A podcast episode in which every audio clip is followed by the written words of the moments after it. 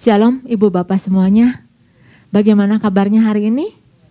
Luar biasa ya, saya percaya Ibu Bapak semuanya dalam keadaan uh, sehat jasmani, sehat rohani, dan tetap terhubung, menjadi orang-orang yang terhubung dengan Tuhan di tengah-tengah dunia yang tidak terhubung ya, seperti judul yang beberapa minggu yang lalu. Nah Ibu Bapak, pesan Tuhan bagi kita untuk minggu ini adalah jangan engkau dikendalikan situasi, tetapi engkaulah yang mengendalikan situasi.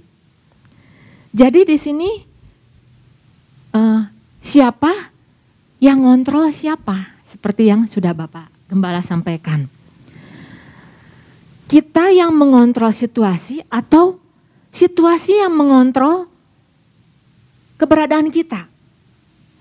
Maka ibu bapak ketika uh, Ibu Bapak membaca Keluaran 14 ayat 1 sampai ke 14, maka kita akan menemukan bahwa bangsa Israel sama sekali tidak mencerminkan sebagai bangsa yang yang menguasai keadaan.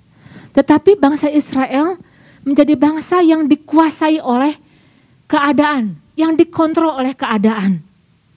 Memang pada waktu itu bangsa Israel dalam keadaan yang apa yang sangat terjepit sekali. Mau uh, jalan ke depan salah, mereka harus ketemu dengan laut Teberau. Sedangkan ke belakang dikejar-kejar oleh bangsa Mesir. Jadi ini situasi yang memang enggak mudah. Maju kena, mundur kena. Diperhadapkan dengan satu keadaan yang Sulit. Harus melakukan apa? Dalam keadaan yang sangat terjepit sekali sampai mereka terlihat kondisinya sangat dikuasai oleh keberadaan kondisi pada waktu itu. Kita bisa lihat bagaimana dari sikap mereka, dari tindakannya, dari kata-katanya kita bisa melihat bahwa bangsa ini memang sudah dikuasai oleh keadaan. Dan apakah yang Tuhan inginkan terhadap bangsa ini? Sampai pada waktu itu Musa menguatkan bangsa Israel pada waktu itu. Keluaran 14 ayat yang ke-13 coba kita sama-sama lihat ya. Tetapi berkatalah Musa kepada bangsa itu, janganlah takut, berdirilah tetap dan lihatlah keselamatan dari Tuhan yang diberikannya hari ini kepadamu. Sebab orang Mesir yang kamu lihat hari ini tidak akan kamu lihat lagi selama-lamanya. Nah ibu bapak kalau ibu bapak merenungkan kata-kata ini. Jangan takut artinya bangsa Israel itu harus menghadapi situasi yang tidak sulit. Yang sulit apa pun juga yang diperhadapkan kepada mereka harus dihadapi. Dengan kata dengan kata lain artinya apa? Bahwa bahwa bangsa Israel itu memiliki kemampuan untuk bisa mengatasi, untuk bisa mengontrol keadaan, untuk bisa menguasai keadaan. Jadi memang pada waktu itu bangsa Israel masuk masa-masa yang sangat menegangkan ya.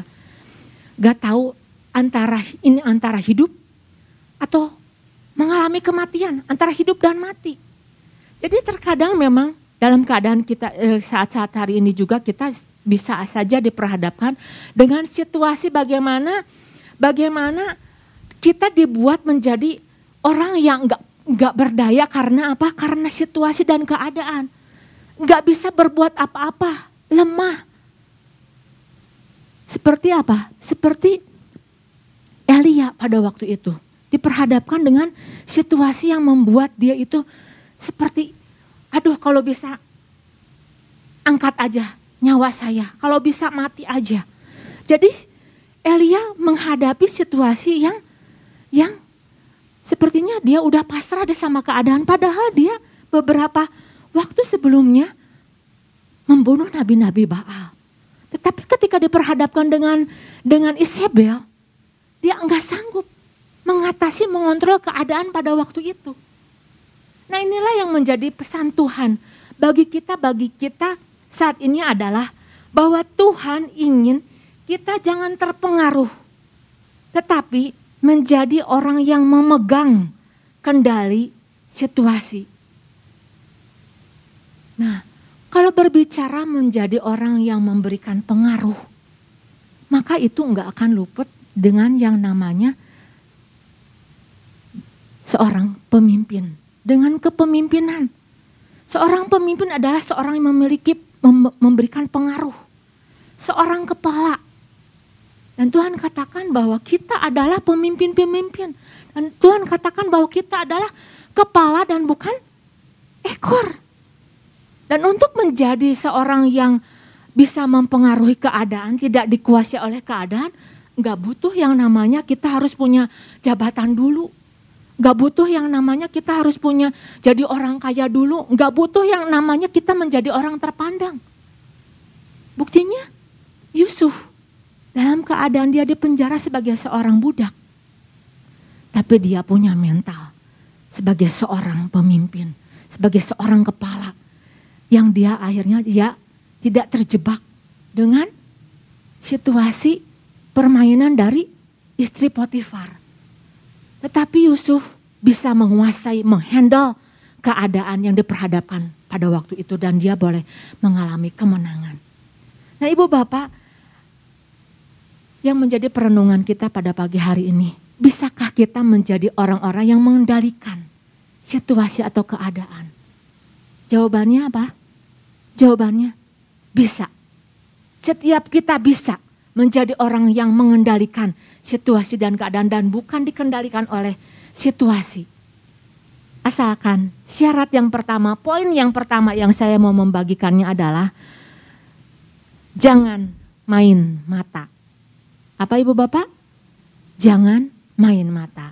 Nah, penggunaan main mata di sini ya, jangan main mata di sini uh, bukan main mata yang uh, apa bukan main mata sungguhan gitu kedip-kedip kayak gitu tapi sebagai sebuah uh, apa kiasan bukan artinya seba, sama seperti seorang laki-laki lagi naksir gitu ya sama sama seorang perempuan terus akhirnya dia ngasih kode ngasih tanda gitu bukan seperti itu ya nah Baik sama-sama kita baca terlebih dahulu di dalam Keluaran 14 ayat yang ke-10. Keluaran 14 ayat yang ke-10.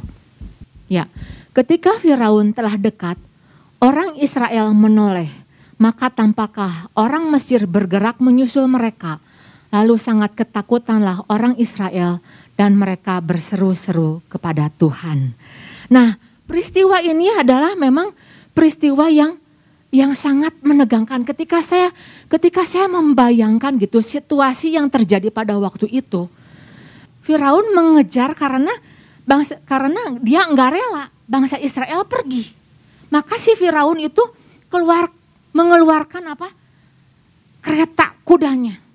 Dia keluarkan kereta tempurnya beserta dengan beserta dengan uh, apa? kuda-kudanya. Dan saya percaya kereta uh, tempur Mesir itu kereta yang yang apa? yang bukan seperti delman. Tapi kereta yang kuat. Bahkan apa uh, ahli arkeolog ya menemukan bahwa uh, kerangka dari apa dari dari uh, keretanya orang-orang Mesir itu terbuat dari emas. Coba Ibu Bapak bayangkan gitu ya. Keretanya itu lu pastinya uh, apa uh, mantap gitu ya. Perjalanannya, larinya itu pasti mantap dan kuda yang yang di apa yang dipakainya itu bukan kuda-kuda yang kecil-kecil yang apa yang kurus-kurus tapi kuda-kuda yang memang terpilih. Bahkan Firaun mengejar mereka dengan perwira-perwiranya orang-orang yang terlatih untuk untuk bertempur. Nah, Ibu Bapak, kita bisa membayangkan situasi keadaan tersebut bangsa Israel dikejar-kejar oleh bangsa Firaun yang kondisinya seperti apa menakutkan gitu ya. Nah, ketika saya tahu gitu apalah uh, ketika saya tahu aduh ini uh, apa suasana yang begitu apa menegangkan gitu ya begitu menakutkan uh, apa uh, mendengar suaranya aja gitu ya wah sepertinya udah seperti uh, apa seperti derap langkah yang begitu begitu apa menakutkan gitu ya. Itu baru mungkin baru ngedenger. Dan saya bisa lihat gitu ya, bisa bisa membayangkan bagaimana situ bagaimana bangsa Israel pada waktu waktu pada waktu seperti itu. Belum melihat, belum melihat. Tapi udah ngelihat mungkin mendengar dari kejauhan saja ada suara apa tuh? Suara apa? Sampai akhirnya ketika Firaun dekat, bangsa Israel menoleh. Dan pada saat menoleh, di titik itulah bangsa Israel terperangkap seluruhnya.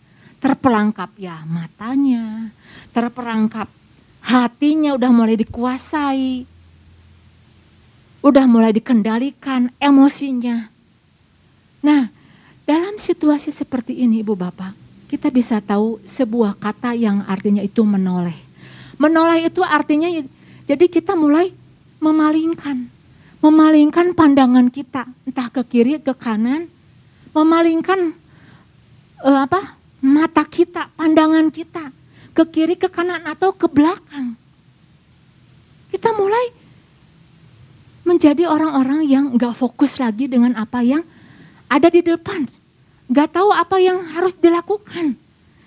Jadi ketika kita nggak jaga mata rohani kita, apa yang kita lihat itu akan masuk ke dalam pikiran kita dan kemudian diolah di otak kita dan akhirnya bisa mempengaruhi hati kita. Bahkan bisa mempengaruhi akan menentukan tercapai atau tidaknya rencana Tuhan dalam kehidupan kita. Betul. Nah, ketika kita tahu apa bahwa kita perlu menjaga pandangan mata kita, maka ada bermacam-macam orang ketika melihat sesuatu gitu ya. Nah, yang pertama ketika ketika orang e, menggunakan matanya, maka ada orang-orang yang e, memandang hanya sejar, sejauh jarak pandang dia. Jadi jarak pandangnya itu dekat sekali, sangat dekat, seperti bangsa Israel. Cara pandang yang dipakai oleh bangsa Israel adalah cara pandang sangat dekat. Yang dilihat adalah mungkin kudanya. Yang dilihat mungkin wah banyaknya tentaranya. Ibu bapak bisa lihat kalau orang-orang yang lagi mengejar bangsa Israel, bangsa Mesir lagi mengejar, itu pasti mengejarnya itu mungkin ingin mengambil mengambil lagi apa yang menjadi bagiannya. Mungkin bangsa Israel melihat tatapan mukanya orang Mesir, aduh sudah sangat menakutkan. Jadi cara pandang yang dilakukan oleh bangsa Israel cara pandang hanya sejauh pandang dia. Sehingga apa? Mudah sekali untuk dikuasai. Situasi sangat mengontrol keberadaan bangsa ini. Nah, itu cara pandang, cara pandang sejauh mata memandang. Cara yang sangat dekat sekali. Cara yang membuat kita mudah sekali untuk dipengaruhi oleh keadaan. Tetapi ada satu cara pandang lagi yang yang sama-sama kita mau pelajari, yaitu cara pandang yang namanya itu insight. Kalau ibu bapak e, baca ya, mau teliti gitu ya, e, kata menoleh di sini gitu ya, bahasa aslinya itu dalam bahasa Inggrisnya itu ada yang namanya insight. Insight itu artinya ketika dia melihat ya, melihat sesuatu yang terjadi, maka si orang tersebut itu punya wawasan yang jauh. Punya pengetahuan akan hal tersebut. Bahkan dia punya kecakapan, kemampuan untuk memahami apa yang sedang terjadi. Luar biasa enggak? Ini cara pandang yang jauh. Yang tentunya ingin kita miliki. Bukan cara pandang yang hanya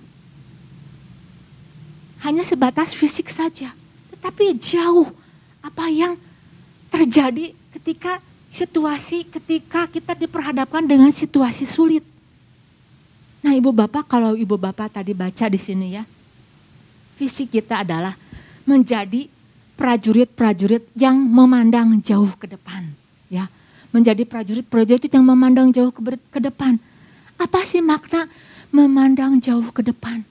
Jadi prajurit yang punya insight, tahu ketika diperhadapkan kepada dia, situasi dan keadaan, tahu bagaimana dia harus menghandle, tahu apa yang Tuhan maksudkan dalam situasi dan keadaan yang harus dia lakukan.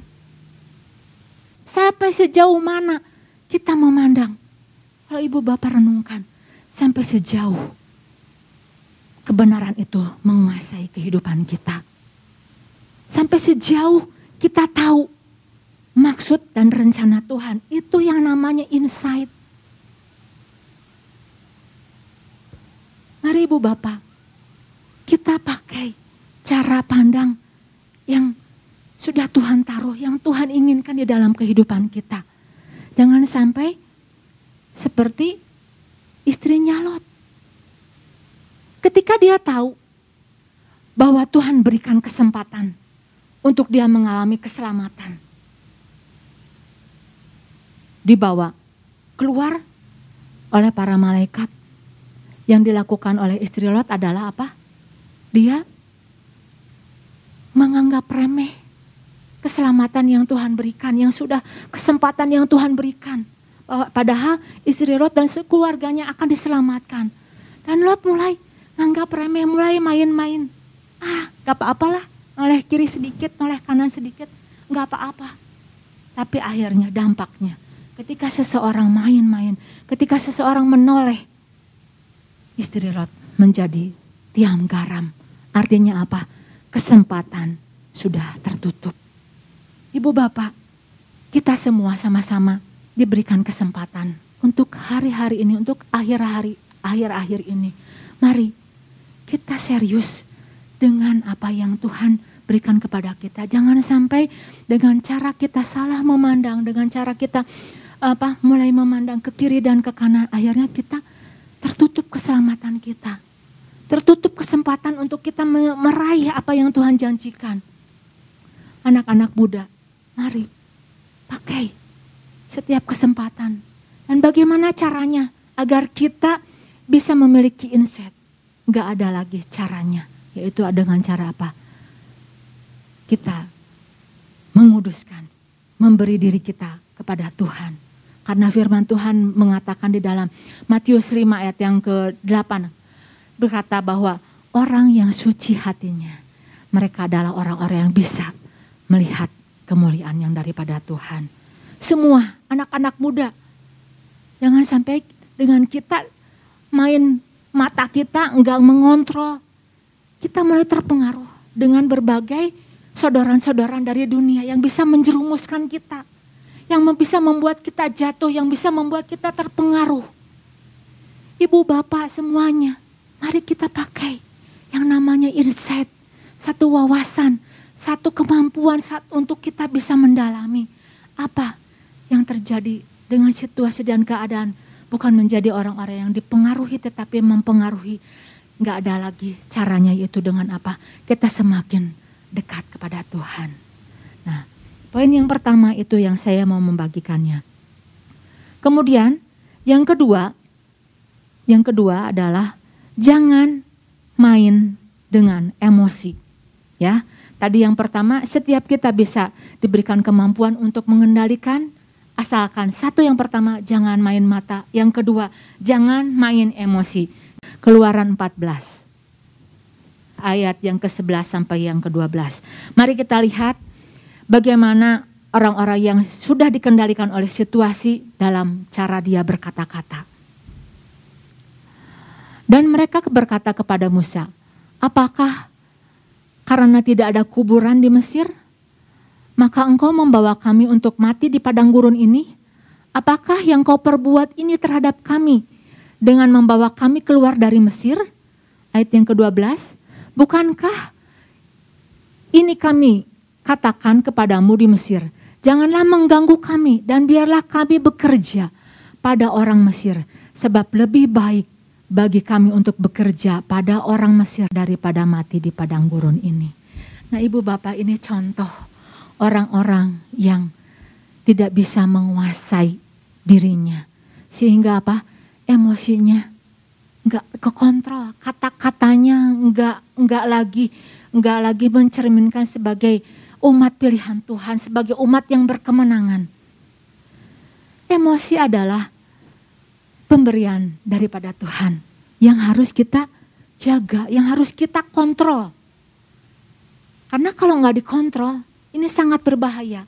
Karena itu untuk saat-saat hari ini ada yang namanya yang namanya dengan kecerdasan emosional. Ya.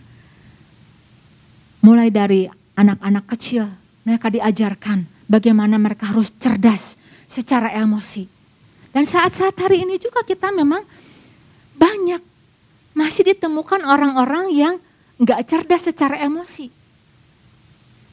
Di jalan raya, diperhadapkan dengan macet, stopan masih merah, orang udah udah nggak tahan lagi. Untuk apa?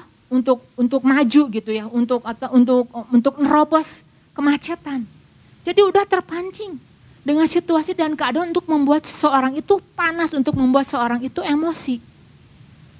Nah, Ibu Bapak, memang situasi ketika situasi dan keadaan yang terjepit ada hal-hal yang sering kali bisa membuat kita emosi kita nggak terkontrol.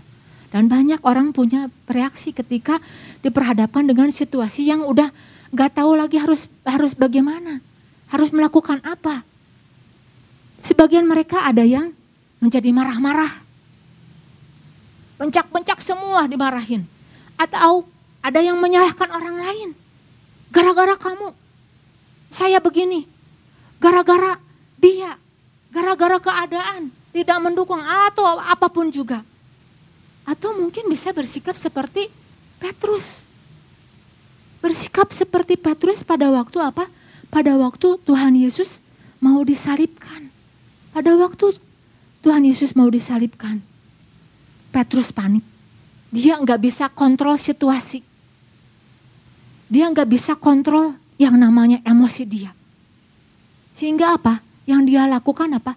Dia keluarkan pedangnya langsung pancung. Itu telinga prajurit Roma.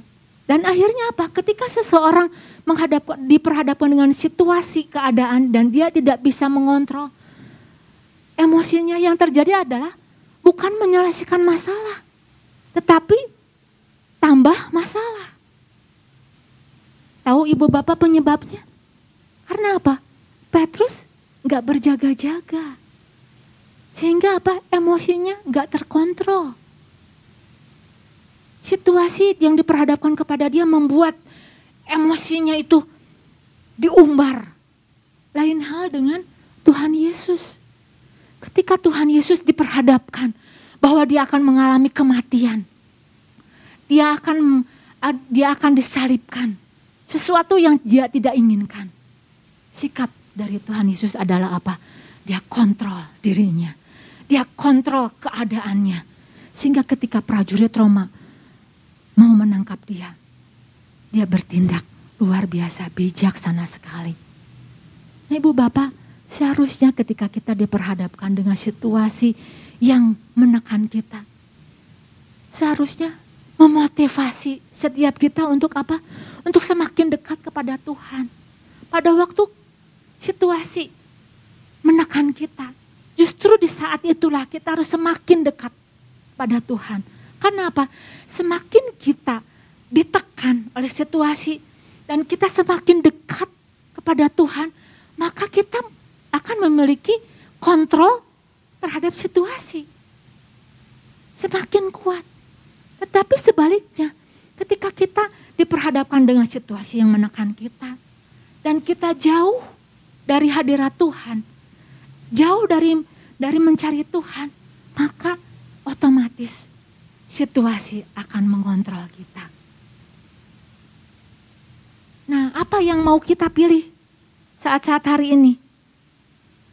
Setiap kita pasti ingin menjadi orang yang enggak panikan. Dan beberapa waktu yang lalu, beberapa waktu yang lalu saya juga diperhadapkan dengan situasi seperti kayak begini seperti panik gitu ya. Jadi saya pada waktu itu hilang dompet ya ibu bapak. Aduh hilang dompet saya hilang dompet di dalamnya tuh kan ada surat, ada apa kartu-kartu, ada ada KTP, ada SIM, ada yang lainnya. Sampai saya gini, aduh, panik. Ini gimana? Saya kan butuh. Saya harus melakukan apa? Aduh, kenapa ya? Jadi saya sampai bisa sampai uh, apa? Membuat suasana di rumah itu terpengaruh. Dan saya bisa dan saya ngerasa aduh kenapa sih saya ceroboh, kenapa sih kok bisa dompet jatuh dan langsung saya apa menyalahkan diri sendiri. Jadi dibuat situasi menjadi panik, nggak bisa kontrol apa yang saya lakukan sepertinya kesal gitu, harus gimana gitu ya. Tetapi pada saat itu saya datang sama Tuhan. Oh, saya punya Tuhan. Saya punya Tuhan dan saya minta campur tangan Tuhan. Apa pun yang terjadi. Nah, hari Jumat hilang. Hari Sabtu masih berharap-harap. Hari Minggu, aduh kayaknya udah ke mana deh udah PHP gitu, udah pengharapan saya udah hilang gitu ya. Tetapi saya datang sama Tuhan. Tuhan, saya minta campur tangan Tuhan. Sekalipun dompet saya hilang, saya percaya, saya percaya ada tangan Tuhan yang bekerja. Eh puji Tuhan Ibu Bapak, hari Senin ada seseorang datang ke rumah. Bu, ini saya temukan dompet dompet ibu. Waduh, saya bersyukur Tuhan terima kasih untuk jawaban doa. Jawaban doa, Tuhan menjawab doa saya. Karena saya berdoa sama Tuhan, Tuhan ketemuin sama orang yang baik hatinya, yang mau mengembalikan dompet saya. Selang kejadian tersebut, anak saya hilang handphone. Beberapa lama, satu minggu kemudian anak saya hilang handphone. Di dalamnya itu banyak data-data, ada data-data materi-materi kuliah. Aduh sampai nangis gitu, harus gimana lagi. Hilangnya itu malam, mungkin kalau ibu bapak eh, apa eh, hilang handphone gitu ya, di tempat umum dalam hitungan beberapa men, beberapa detik aja hilang, udah langsung udah raib dah, nggak tahu baliknya lagi ke kita itu gimana. Dan saya percaya sekali ini semua campur tangan Tuhan. Tuhan yang kendalikan segala sesuatunya. Ketika apa? Ketika kita mau datang mendekat kepada Tuhan. Jadi malamnya hilang, saya pikir, aduh kalau hilang handphonenya warnanya hitam, udah nggak mungkin ketemu. Terus udah gitu lowbat lagi. Wah, gimana caranya bisa bisa bisa dikembaliin?